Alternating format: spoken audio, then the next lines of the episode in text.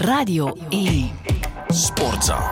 Voetbalactualiteit. Peter van den Bemt, goedemorgen. Goedemorgen. Want er zijn nu nog vier speeldagen te gaan voor de play-offs beginnen.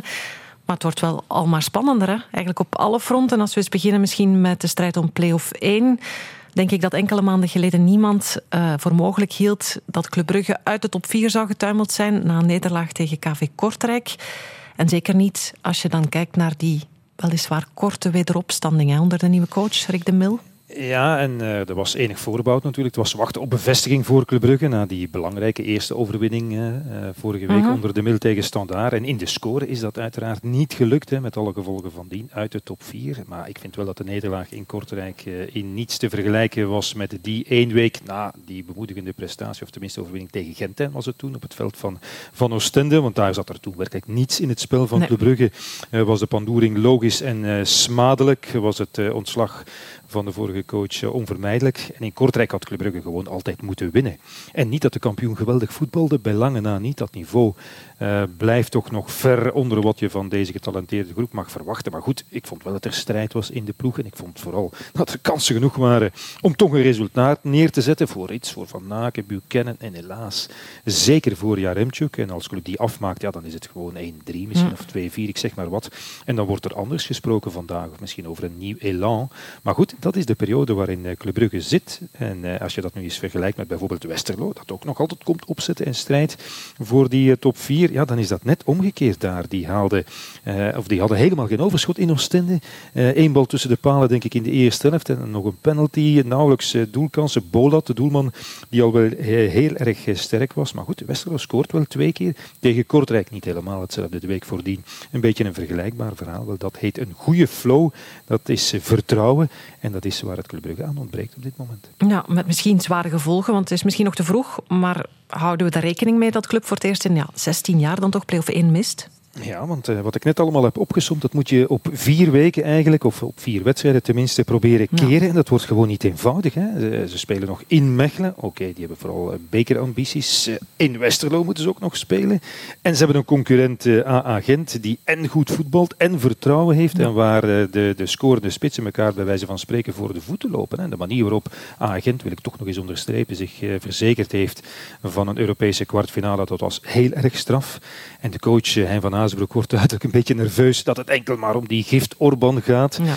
Uh, maar goed, het is dan ook een waanzinnig verhaal. Hè? En, en, zonder zijn doelpunten was Gent al Europees uitgeschakeld geweest. Was het niet nu vandaag in de top 4 beland. Dat is gewoon de realiteit. Uh, Orban is de sleutel in de remonte van A Gent. Maar uiteraard gedragen door een elftal dat op dit moment ook gewoon heel goed staat. Uh, heel goed voetbalt.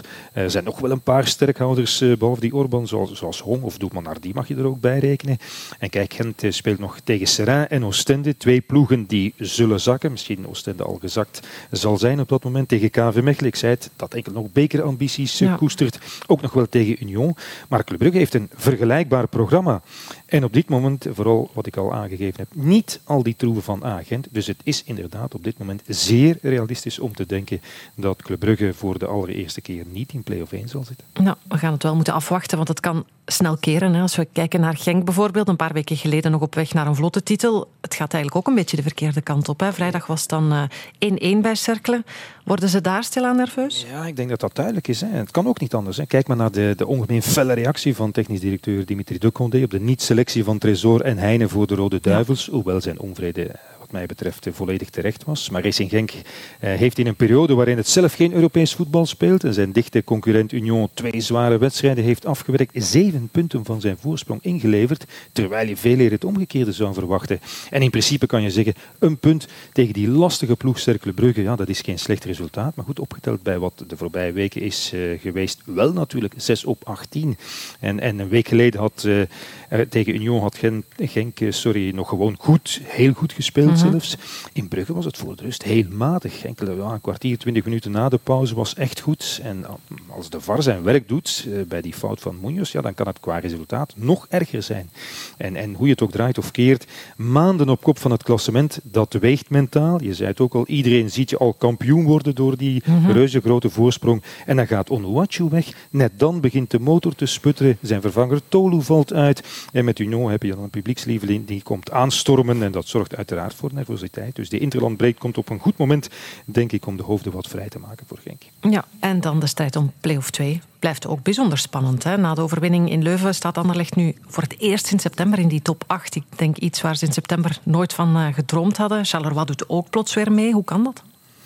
Wel, uh, over Charleroi. Uh, soms worden we toch nog eens gerustgesteld met een typisch Belgisch voetbalverhaal. Zo, uh, KV Mechelen, of Charleroi KV Mechelen, werd op 12 november, dat is dus voor het WK, definitief stopgezet bij 1-0. Omdat supporters van Charleroi uit onvrede met het beleid toen, voor de derde keer al vuurwerk op het veld gooiden. Ja. En conform het reglement betekent dat een forfait-nederlaag voor de ploeg waarvan de fans zich misdragen. Dus Charleroi, zoals die van Anderlecht bijvoorbeeld, op het veld van Standaard. Het werd 5-0. Maar blijkbaar heeft de scheidsrechter Jan Boterberg, die dit seizoen al wel een paar uh, fratsen heeft uitgehaald. Een procedurefout gemaakt. En kijk, de match moet herspeeld worden, is de beslissing uh, zonder publiek.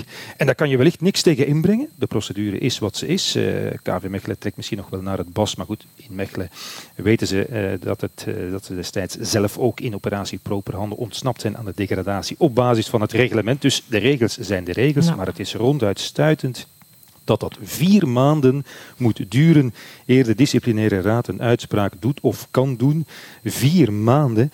En nu ineens mag Charleroi nog in volle strijd om play-off 2 een extra wedstrijd spelen tegen KV Mechelen. Ik heb dat al een paar keer gezegd. Een ploeg die inmiddels gered is en die enkel nog bezig is met de bekerfinale. Ja, ja dat is gewoon niet correct tegenover de concurrenten voor play-off 2. Anderlecht, Cercle Brugge, Leuven, wie weet misschien ook nog Sint-Truiden. En dan was scheidsrechter Verbomen eh, zondag eh, gisteren dus nog zo vriendelijk om in de match op Antwerp, eh, ondanks een tussenkomst van de VAR, ineens de regels voor handspel te veranderen in het voordeel van Charleroi. Geen penalty te geven voor Antwerp. En zo pakte Charleroi ook nog eens drie gouden punten. Dus ik zou zeggen, een goede week voor de Carols. Sportza.